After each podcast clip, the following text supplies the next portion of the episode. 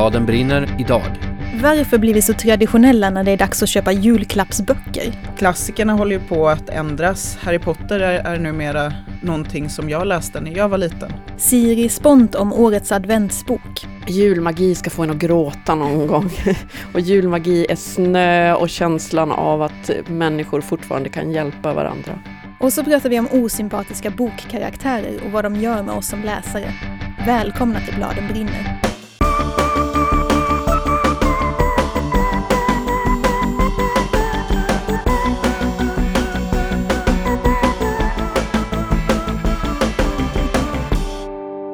Det är snart jul. Folk håller på att svettas i affärer. De trängs. De har hjärtklappning.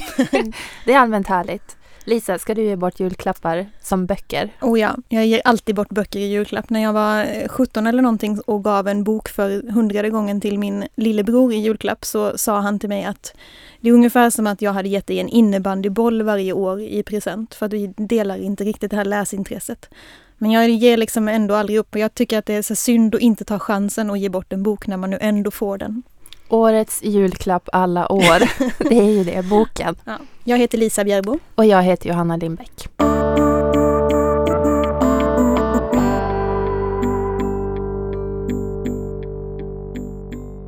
Det här med att ge bort böcker i julklapp, jag är ju liksom inte ensam om att gilla det. Utan att ha minsta lilla statistik bakom det här påståendet så skulle jag ändå vilja säga att det slås in hårda bokpaket nu i alla landets bokhandlar ungefär.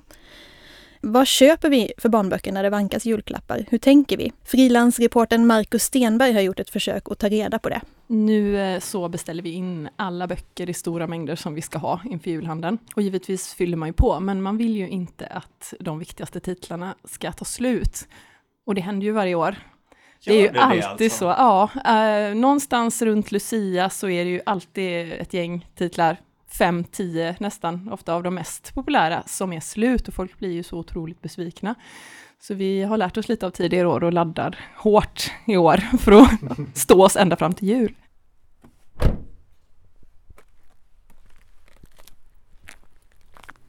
Då är jag framme i min gamla hemstad Allingsås.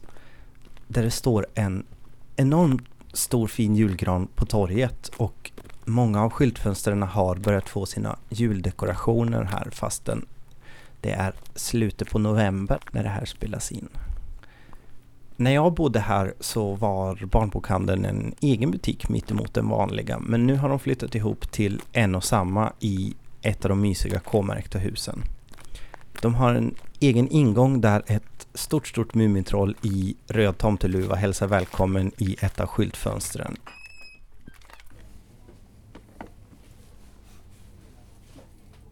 De senaste åren är det barn och ungdomsgenren som ökat mest enligt Förläggarföreningens statistik. Barn och ungdomsgenren säljer mer än vad allmän skönlitteratur gör och den säljer mer än vad deckare gör. Dessutom är det så att bokförsäljningen dubbleras i december jämfört med en vanlig månad. Jag är här för att träffa Liselott Hasseskog på Akademibokhandeln i Alingsås fråga henne om hur varierat eller ovarierat jobbet i bokhandel blir kring jul. Väldigt ofta är det ju så med böcker att man har spetsat in sig på någonting, man har en favoritförfattare eller barnet i det här fallet har en favoritförfattare och vill gärna ha liksom nästa bok i serien och så.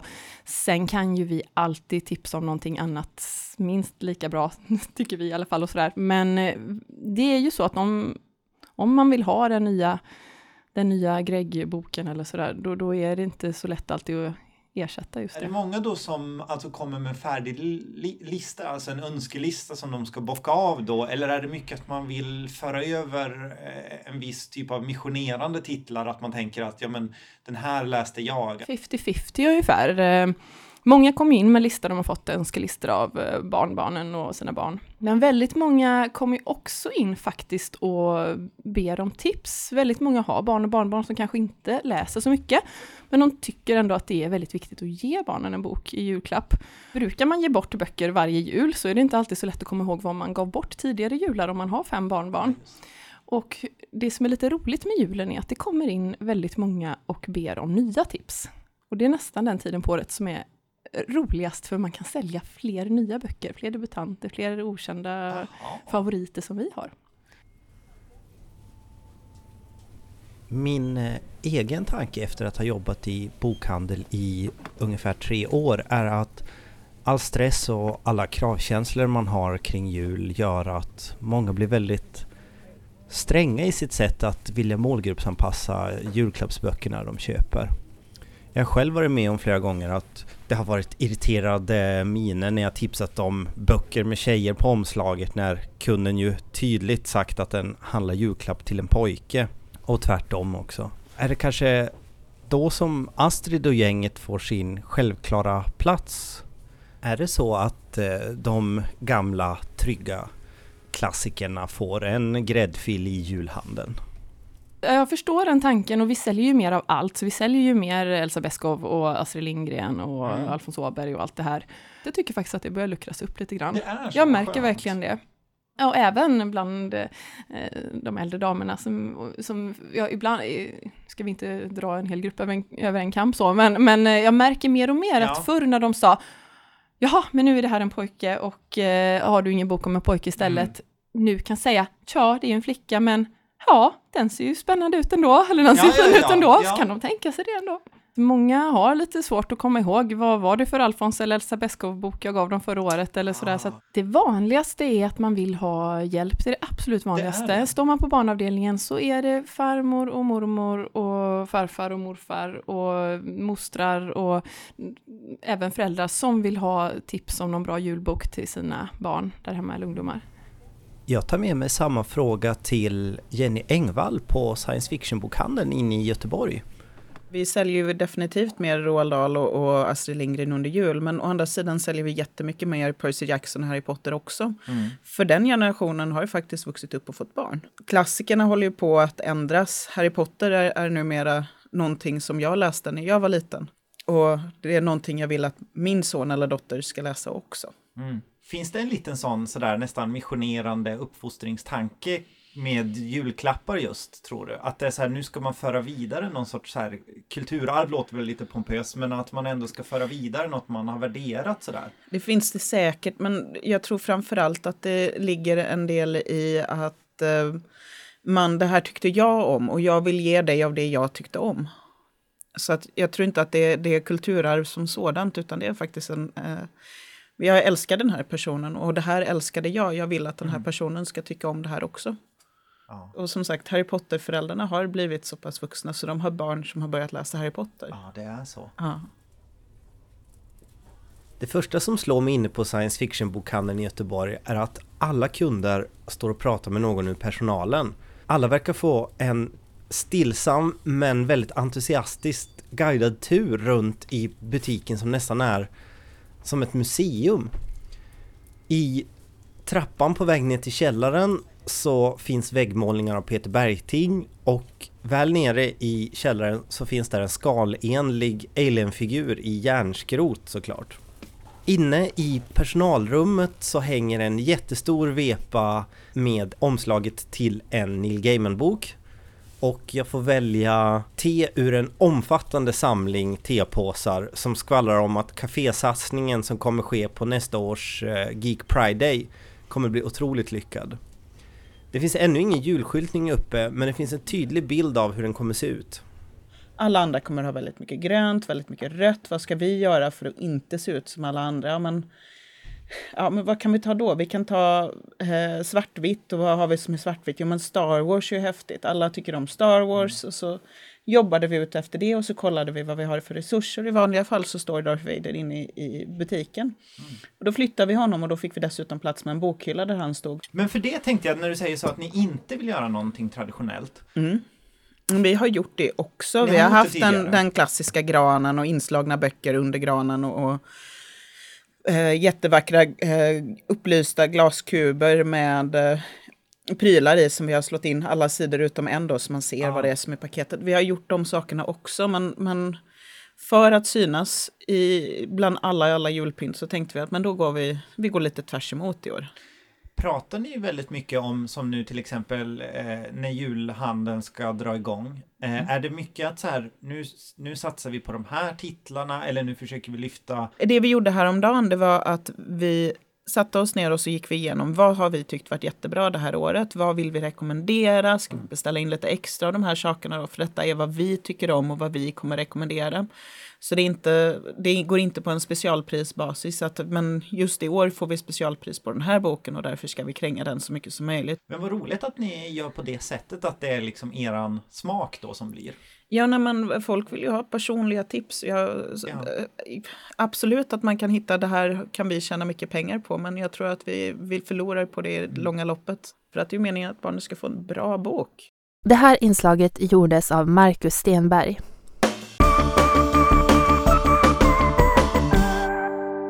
Johanna, om jag säger osympatiska karaktärer i barn och ungdomslitteraturen, vad säger du då? Att jag älskar dem.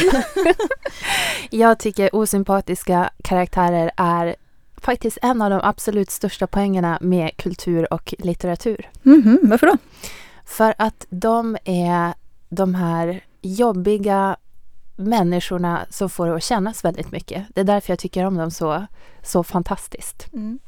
Vad är en osympatisk karaktär då? Är det liksom skurkarna och bovarna du tänker på eller är det något annat? Nej, det här är inte mördaren i en deckare, utan det här är bara helt vanliga människor i vanliga böcker. Fast de har ofta det här att de är lite för starka åt något håll. Det kan vara att de är jätte, jätteledsna eller jätte, jättearga. Det är liksom väldigt mycket känslor, lite för mycket känslor under lite för lång tid. Man ska inte hålla på så. Det är det som gör dem osympatiska. Så de gör liksom allt det här som vi andra gör också. Man kan ju vara arg och man kan vara bitter och man kan ha alla de här dåliga känslorna. Och det vill man ju helst då inte erkänna. Inte ens låtsas om att de här känslorna finns. typ. Nej, och framförallt vill man ju inte vara offentlig med det. Speciellt om man går ut och säger jag är bitter, då är man ju en förlorare. Det är det värsta man kan vara. Eh, och i böcker, när folk har de här känslorna, så är det ju därför det blir jobbigt. För att man liksom, tror jag, blir påmind om sina egna sämre sidor.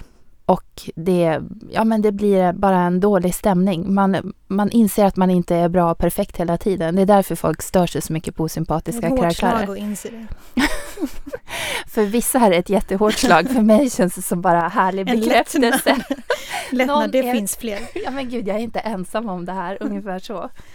Vi eh, läste ju båda två Roxane Gays Bad Feminist nyss och jag ägnade mig då åt att stryka under saker som jag tyckte extra, eller höll med om extra mycket och det är en sak som jag inte har gjort sedan jag var typ 19 år. Eh, hon har ett kapitel där som handlar om just det här osympatiska karaktärer i böcker. Och det, hennes linje är ju då att man är extra hård mot kvinnor i böcker, att det är extra svårt att stå ut med en osympatisk kvinna. Det är sant. Håller du med? Tycker du att det är så i barn och ungdomslitteraturen också, att det är svårare att stå ut med en osympatisk tjej än vad det är att stå ut med en osympatisk kille? Ja, det är det. För det första kan man säga att i litteraturen så har ju killar fått ett namn när de är på det här sättet, att de är antihjältar. Ja. Och det är ju faktiskt en, det kan lyftas som en positiv sak, att i den här boken finns det en antihjälte. Och då kan det vara till exempel Holden Caulfield i, eh, vad heter den? Holden Caulfield. Räddaren i nöden, tack. Eh, Murakami är också sådana antihjältar. Så då blir det som att det är en, ja, men en kvalitet att de är på det sättet. Mm, Medan med kvinnor finns det inte ett namn, de är bara jobbiga. mm.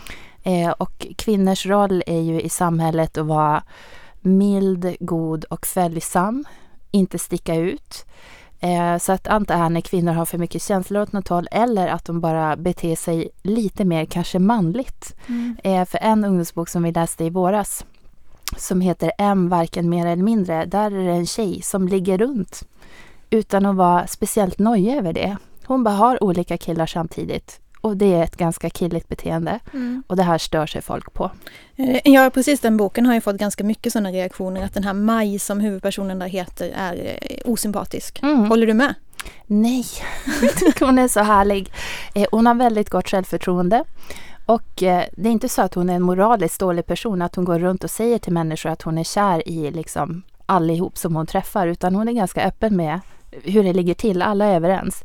Men det är just det här att hon gör det som tjejer inte brukar göra, i alla fall inte så att man ska skryta om det och berätta om det. Mm. Det är intressant tycker jag att så många, till exempel jag själv, läser böcker väldigt, väldigt känslomässigt. Eh, man engagerar sig så mycket i, i boken så att man kan känna att den här osympatiska karaktären nästan står i vägen för eh, läsupplevelsen. Och för mig är det som att jag nästan läser fortfarande i första hand som jag gjorde när jag var 11 med alla känslor utanpå kroppen och liksom ingen förmåga att se kritiskt på en bok utan jag bara gråter som en fontän eller känner mig kär eller känner mig arg eller vad det nu är. Och sen får jag liksom anstränga mig som vuxen att ta på något slags eh, kritiskt filter och tänka så här, jag är en vanläsare, nu ska jag tänka på den här boken på ett lite mer eh, icke så känslomässigt sätt. Eh, och det är jag väldigt medveten om att jag gör själv men samtidigt så kan jag också störa mig när jag ser de där känslomässiga reaktionerna från andra på böcker. När någon säger till exempel att så här, jag hatar den här boken för huvudpersonen är så himla osympatisk, jag vill inte ens läsa vidare. Då blir jag liksom störd för jag tycker att så kan man inte bedöma en bok. Eller klart man kan säga så, man kan känna så att eh, personen är osympatisk men det är ju inte ett mått på hur bra boken är. Mm. Eller det kanske är ett mått om man är lite kortsynt. ja. eh, nej men man kan väl fundera då på varför, vad är man blir så provocerad av? Det är väl det som är det intressanta.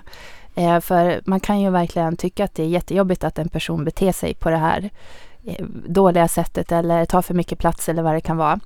Eh, men att man stör sig på det kanske hänger ihop med då vart man själv befinner sig i livet och hur man själv är. Så jag tycker att det, jag tycker att det är ganska bra och eh, men plus att det också är så att författarna kanske verkligen, alltså förmodligen ja. medvetet har gjort den här personen osympatisk. Ja men verkligen och sen så tycker jag att det är så himla låga trösklar. Om man tänker just på kvinnliga huvudkaraktärer så är det inte mycket som krävs för att de ska bli jobbiga. Och en annan bok som vi läste under hösten är ju Sandra Beijers Allt som blir kvar. Och där är en tjej som blir dumpad och hon blir väldigt ledsen. Och hon är väldigt ledsen under lång tid och beter sig självdestruktivt. Och där har jag läst flera reaktioner som är som ungefär Ja, ja, hon är ledsen, men kan hon inte skärpa sig? Att nu hon kan är för ledsen? Liksom. Och, och, för länge. Kan hon inte vara ledsen i två veckor och sen så blir det bra igen? och så träffar hon en ny kille och då blir hon glad. Mm. Eh, och då tycker jag att det där är så kortsiktigt, för folk får väl vara ledsna. Man behöver väl inte komma över ett krossat hjärta på två veckor. Det är ju helt orealistiskt. Mm. Eh, så att det blir det här helt enkelt att man kanske har en bild av hur samhället ska vara och hur man själv ska vara. Och det är glad och härlig och positiv och lyckad. eh, och sen får man läsa de här böckerna om människor som är mycket mer mänskliga och komplexa. Och de uppfyller ju inte den där äh, jättefina rollen. Nej. Har du fler exempel på böcker, på barn och ungdomsböcker där det finns de här osympatiska karaktärerna? Ja, vi har verkligen kan man säga grundfiguren i att vara osympatisk vad gäller tjejer, Pippi Långstrump. Hon kan man ju snacka jobbig och går utanför normerna hur man ska bete sig. Um, och sen har vi Karlsson på taket. Ja, han är ju ännu värre. Han är störig tycker Jag många. vet föräldrar som inte läser Karlsson på taket för sina barn för att de inte står ut med den här uh, odrägliga karaktären. jag har inte läst den boken på super, super länge men jag minns att jag gillar honom när jag läser. Mm. Så kanske har jag alltid haft en fäbless för osympatiska karaktärer. Eh, och sen har vi då M, varken mer eller mindre av Peter, ba Petra Backström. Som jag tycker är en av de bästa ungdomsböckerna som har skrivits på länge. Så skit i att den eh, karaktären är osympatisk. Läs den boken för guds skull. Hon är inte osympatisk. Nej, hon är inte det. det som jag står mig med på är ju, jag blir mycket, mycket mer irriterad när det kommer de här sympatiska karaktärerna som gör det hela jävla tiden. Man mm. blir vansinnig. De kan råka ut för besvikelser och de kan bli eh, undansatta i situationer och allt möjligt och de är som bara, men det är okej, det är ingen fara. Jag väljer glädje. Jag väljer glädje, vi är fortfarande vänner och man bara, här skulle du verkligen ha blivit förbannad och arg och sagt ifrån och inte bara varit, varit ett mähä. Det gör mig irriterad. Ja. Det finns en ungdomsbok som kom för några år sedan också som heter 17 år och skitsnygg av Emma Granholm som har en huvudperson som inte är helt sympatisk. Och det råkar vara en kille. Mm. Och den här boken är väldigt eh, jättesmart upplagd. Man börjar läsa och får verkligen en antipati för huvudpersonen och sen fattar man varför. Mm. Så himla snyggt gjort. Jättebra är den. Mm. Jag har en eh, liten teori och det här har jag egentligen verkligen ingen eh, grund för att säga utöver en magkänsla men det är att det är lite mer sånt här känslomässigt eh, tyckande om barnböcker än vad det är om eh, vuxenböcker. Håller du med om det? Ja, jag håller med. Jag tror verkligen att det är det. Och jag kan tro också att det hänger ihop med det här oket som är över barn och ungdomslitteratur att det ska vara utvecklande och man ska lära sig någonting och man ska bli en bättre människa. Så att det ligger en sån här En förväntan? Ja, men en liksom. underförstådd förväntan att om man läser en barn och ungdomsbok så ska det handla om en bra person. Det ska vara en person som vet hur man ska bete sig, man ska göra rätt, man ska inte vara självisk, förbannad, bitter. Nej, och den här goda personen ska liksom lära läsaren att bli en bättre människa. Precis, och med det kravet, då är det ju väldigt lätt att hamna i att oj, det här var fel, personen gjorde inte som den skulle, då är det en dålig bok. Så det är tyvärr en sån här, en kvarleva från gamla tider som verkar väldigt svår att skaka av sig. Vi har ju en tradition av att önska oss eh, önskeutgivning när vi har de här diskussionerna. Ska vi önska oss nu då fler osympatiska karaktärer i barnböcker? Ja, och fler så kallade nasty women om jag ska använda Trumps, Donald Trumps term. Nej, det behöver inte göra. Men alltså helt enkelt människor som vågar visa upp hela spektrat. Det är ju det vi önskar. Man behöver inte alltid vara så jävla glad. Man kan vara förbannad ibland.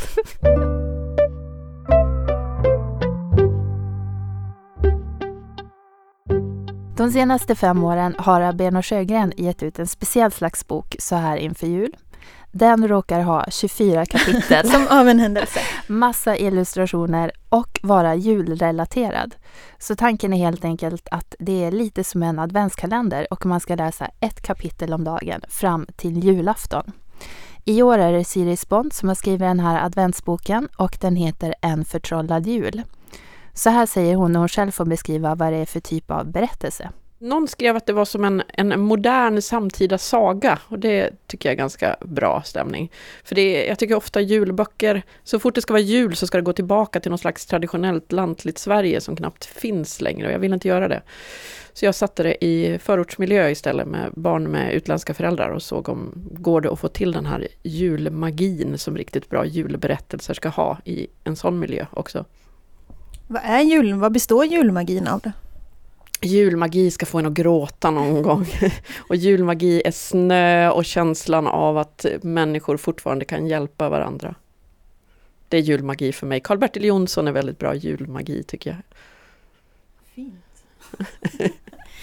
Det berättarjaget i den här berättelsen är en tjej som heter Marta. Vad, hur är hon? Marta är nog en ganska typisk, kanske nioåring så, tjej. Fast hon står i det här skedet som man gör ofta i någon gång i den åldern när man Vissa tycker inte det är kul att leka längre och vissa är kvar i det här leken och tycker fortfarande att det är det bästa som finns. Så jag minns det som en väldigt sorglig tid, att man var på väg att lämna ett stadium. Och där är Marta väldigt mycket, så att det blir lite så konflikter med hennes vänner och sådana saker också kring det. Hon är en eh, väldigt fantasifull person som, som gillar att leka. Mm. Och så kommer Josef. Vem är han då? Han är en kusin till familjen som ingen av dem har träffat förut, för han har bott i sitt hemland, där det är krig nu, så han kan inte stanna. Han har kommit ensamkommande till Sverige. Och eh, man läser ju mest om ensamkommande som bor på olika hem och sådana saker, men faktum är att väldigt, väldigt många bor hos släktingar i Sverige som kommer hit, att det är en vanlig lösning. Um, så därför så får han flytta in hos Martas familj, um, men det är inte den här eh, genom genomgoda gestalten som förändrar deras liv till det bättre, utan det här är en ganska ledsen och deprimerad kille när han kommer. Han är ungefär lika gammal som Marta också, så att alla förväntar sig att de ska bli kompisar. Eh, men det blir de inte riktigt direkt i alla fall. Det är så fint tycker jag för att hon, är ju, hon och hennes lillebror är ju asförbannade först för att det ska komma en främmande person och liksom sabba deras jul på något vis. Och då undrar jag så här, vad är det med barn och, eller vad är det med folk och julen? Varför får man inte ändra, varför måste så här gröten serveras på samma klockslag och eh, allt vara exakt likadant som det alltid har varit? Ja, just det. Och en scen tas bort ur Kalanka och det blir ramaskri. Jag vet inte, men det är något med julen som är så vansinnigt traditionell och just det där tradition ska då vara exakt likadant från år till år. Men för barn är det väl någon slags trygghet i sig också, någon slags varm trygghet i att jag vet att den här dagen kommer att bli eh, fantastiskt rolig och bra för att ja, först händer det, sen händer det, sen händer det. Och om det är något som ruckar de planerna så, så kommer det in en oro direkt att tänk om det inte blir någon bra julafton alls, den här årets viktigaste dag. Hon är ju som sagt inte sådär jättepositivt inställd, Marta, till, till en början med att, att Josef ska komma. Hennes kompisar däremot säger så här, men gud vad spännande, han är lika gammal som du, ni kommer bli kära i varandra, det kommer bli skitbra. Vad är det hon känner istället? hon känner att hon har ett ansvar för honom, att han ska må bra och vara glad. Um, både gentemot sin familj förstås, men också för att hon är en sån person. Och när han då inte är en sån här som bjuder till när han kommer till klassen, utan faktiskt drar sig undan ganska mycket, så hamnar ju hon i någon slags konfliktsituation. Hon känner att hon måste vara med honom fast hon egentligen vill vara med sina kompisar hellre. Och det gör att hon blir nästan arg på honom. Att varför kan du inte bjuda till lite mera? Hur mycket har du tänkt kring den här formen när du har skrivit nu? Har du, eh, vad är ett bra adventskalenderupplägg? Ja, det vet jag inte. Det, det var ganska svårt att skriva i det här formatet i och med att man har ju bara 24 kapitel och de 24 kapitlen måste liksom innehålla, det kan inte vara eh, lucka 14 så händer ingenting. Som I en vanlig liksom roman kan man ju faktiskt unna sig att ha lite stillsammare partier ibland, men här måste det ju hända någonting i varje kapitel. Så det var lite svårt att skriva just den här 24 kapitelsformen men också roligt och tvinga sig själv in i det konceptet. Och jag misslyckades ju kapitalt till att börja med faktiskt. Men... Och då, vad hände då? Nej, jag fick skriva om halva boken helt enkelt. För att jag försökte klämma in en annan historia som det inte alls blev. Och då, det skulle kunna bli en bra historia men det skulle kräva en mycket, mycket, mycket längre bok. Eh, det konceptet liksom som jag tänkte först. En mycket längre jul, ett skitlångt jullov. Ja precis, då fick man börja räkna ner första november istället. Det finns ju en eh, liten bihistoria med några hamstrar här i också. Som jag tycker är väldigt rolig. Att eh, Marta och hennes lillebror har önskat sig en hamster var i skitlänge och tjatar väldigt mycket om det här. Och som någon slags muta upplever jag det nästan som att okej, okay, men om ni står ut med den här Josef som kommer så får ni era himla hamstrar då. Och så åker de till djurbutiken och så ska de köpa de här hamstrarna och så ställer mamman en sån här jätteviktig följdfråga till eh, expediten i, i, liksom i kassan. Så här. Vad är det hon frågar? Det är säkert att det är två honor nu. Det är en så himla snygg plantering, det är som så här Tjechovs pistol, så här, det här är den här frågan, vad kommer hända sen? Sen händer det som faktiskt är helt självupplevt.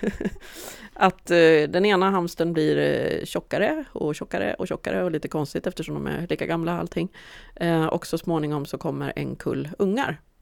Eh, det, I boken så är det faktiskt bara en kull med, jag kommer inte ihåg om det är åtta eller tio. Men det, jag skulle kunna fortsätta historien också. För i verkligheten är det nämligen så att en hamster kan bli med barn igen inom fyra timmar efter de har fött sin första kull.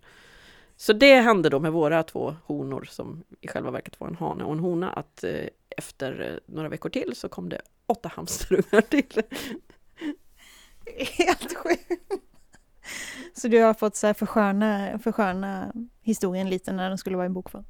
Ja, det var ju tur att den tog slut där, för annars skulle det liksom bli skräckhistoria om hur huset invaderas av hamstrar istället. Du lägger ju ofta dina berättelser ganska långt ifrån de här blonda, blåögda, vanliga barnboksbarnen som man brukar se. Hur tänker du kring det där? Jag tänker dels är det ganska så självklart för mig, för jag bor i Skärholmen, så att det är det jag ser varje dag och jag tycker det är lättast att skriva om det man själv är mitt i eller har upplevt eller någonting sånt. Och sen tänker jag att det behövs liksom rent representationsmässigt, att alla barn ska kunna ha barnböcker och känna igen sig i. Uh, och jag har ju lite som ett mission att det inte bara ska vara så här sorgliga böcker om förorten där folk har det svårt, utan att det kan vara som vilken rolig barnbok som helst till exempel, bara att alla barn har föräldrar som är födda någon annanstans. Det är min lilla förortsmission jag har med mina barnböcker. I en idealvärld, hur vill du att folk ska läsa den här adventsboken? Shit, vilken svår fråga! Nej, men jag hoppas ju att man ska läsa den och, och hitta någonstans att varje så här flykting som man läser om är en, en människa och framförallt barnen som kommer, att det är faktiskt barn i första hand. Det skulle kunna vara mitt barn, ditt barn, vem som helst. Så de reagerar som barn gör, men har varit med om ohyggliga grejer. Så i en idealvärld så, så skulle inga barn utvisas. Och det är väl lite det den här boken handlar om. Det där var Siri Spont om sin bok En förtrollad jul.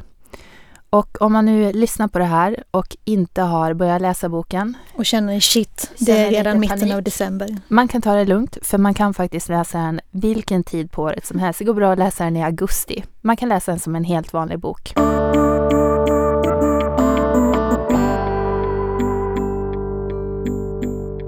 Ska vi tipsa om böcker nu då, Johanna? Ja, och jag kommer att tipsa om en bok som jag inte kan uttala. den är på tyska, eller den är översatt till svenska, men den heter Stick. Jag tror att den heter Chic. Chic. Chic eller Stick. I alla fall, författaren heter Wolfgang Herrendorf. Också svårt. Mm. Alla som kan tyska, ursäkta för för, uttalet. Em, Men den här boken handlar om två 14-åriga killar. De går i samma klass, det är sommarlov. Och em, det händer lite grejer så att de råkar sno en bil och sticker iväg på en Det är roadtrip. så jobbigt när det händer. Det, är bara, det här är väldigt oplanerat.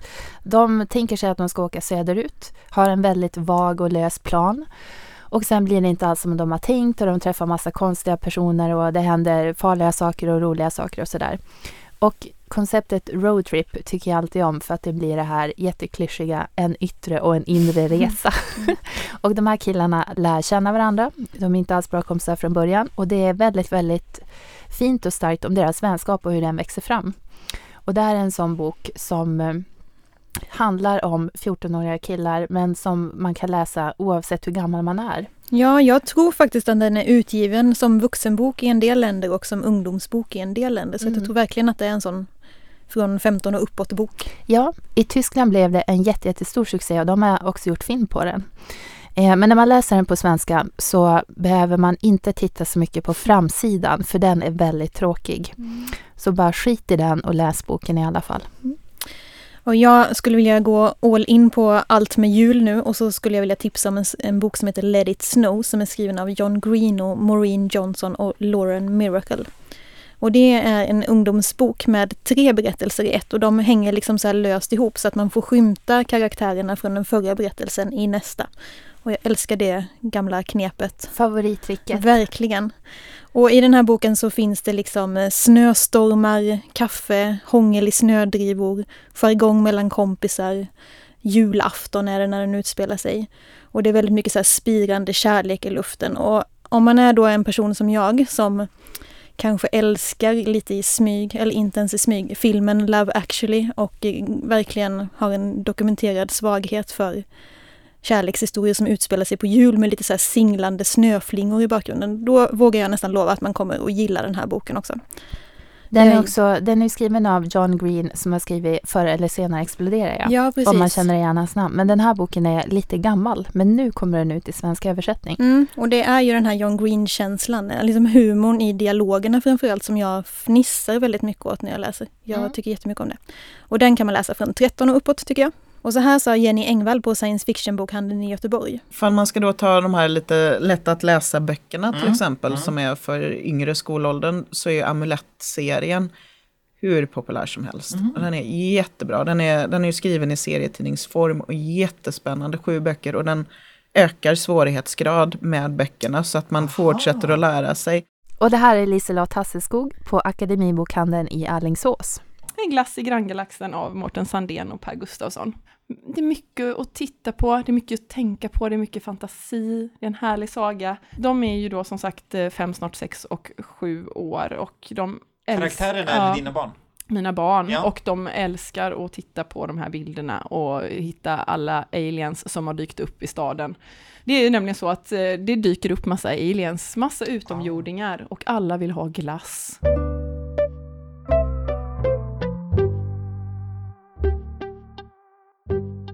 Och nu är det jullov Johanna. Mm. Äntligen. Vad ska du göra? Softa. Ligga i en fåtölj, läsa en bok, ha en tekopp bredvid dig. Eh, verkligen. Och sen ska jag börja fundera på vad vi ska göra nästa säsong. Mm. Mm. Vi kommer att ta ett eh, litet uppehåll nu över jul och sen är vi tillbaka med Bladen brinner igen efter nyår.